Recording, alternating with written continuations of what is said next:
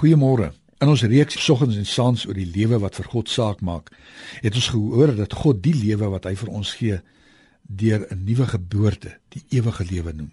Dit gee nuwe inhoud aan ons lewe hier en nou. Dit dra die Here se vingerafdruk aan alles wat ek leef en doen. Dit is ook nie 'n afskeepgeskenk van die Here nie. Hy gee ons die lewe in oorvloed. Sommer baie geleenthede en dit vir altyd sodat ons hom oorvloedig kan lief hê en in oorvloed kan dien. Ek het die klem in hierdie reeks opsetlik swaar laat val op hierdie lewe en die karakter van hierdie lewe as kenmerkend van die ewige lewe. Hierdie lewe, die lewe aan die diskant van die graf. Dit dra reeds die karakter van die ewige lewe. Ek sal jou nou glad nie kwaadlik neem as jy op hierdie stadium sou vra, maar wat dan van die ewige lewe as ek aan die ander kant aan die graf is? Is dit dan nie belangrik nie? Ek wil jou vanoggend kom gerusstel. Natuurlik is die lewe na die dood ook belangrik.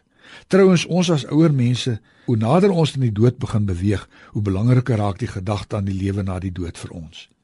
Hoe ouer ons word, hoe meer vrae begin ons stel oor die lewe en die ander kant van die graf. Daarom vanoggend die gerusstellende woorde van Jesus in Johannes 11 vers 28. Ek is die opstanding en die lewe.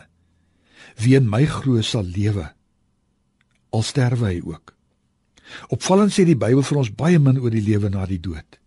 Wat die Bybel wel in 'n paar tekste vir ons sê, is dat ons bly lewe na die dood. Ewig bly lewe na die dood. By hom bly lewe na die dood.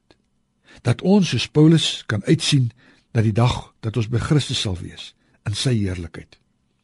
Miskien is die rede vir die min inligting dat die vroeë volgelinge van Jesus 'n baie spoedige wederkom van Jesus verwag het.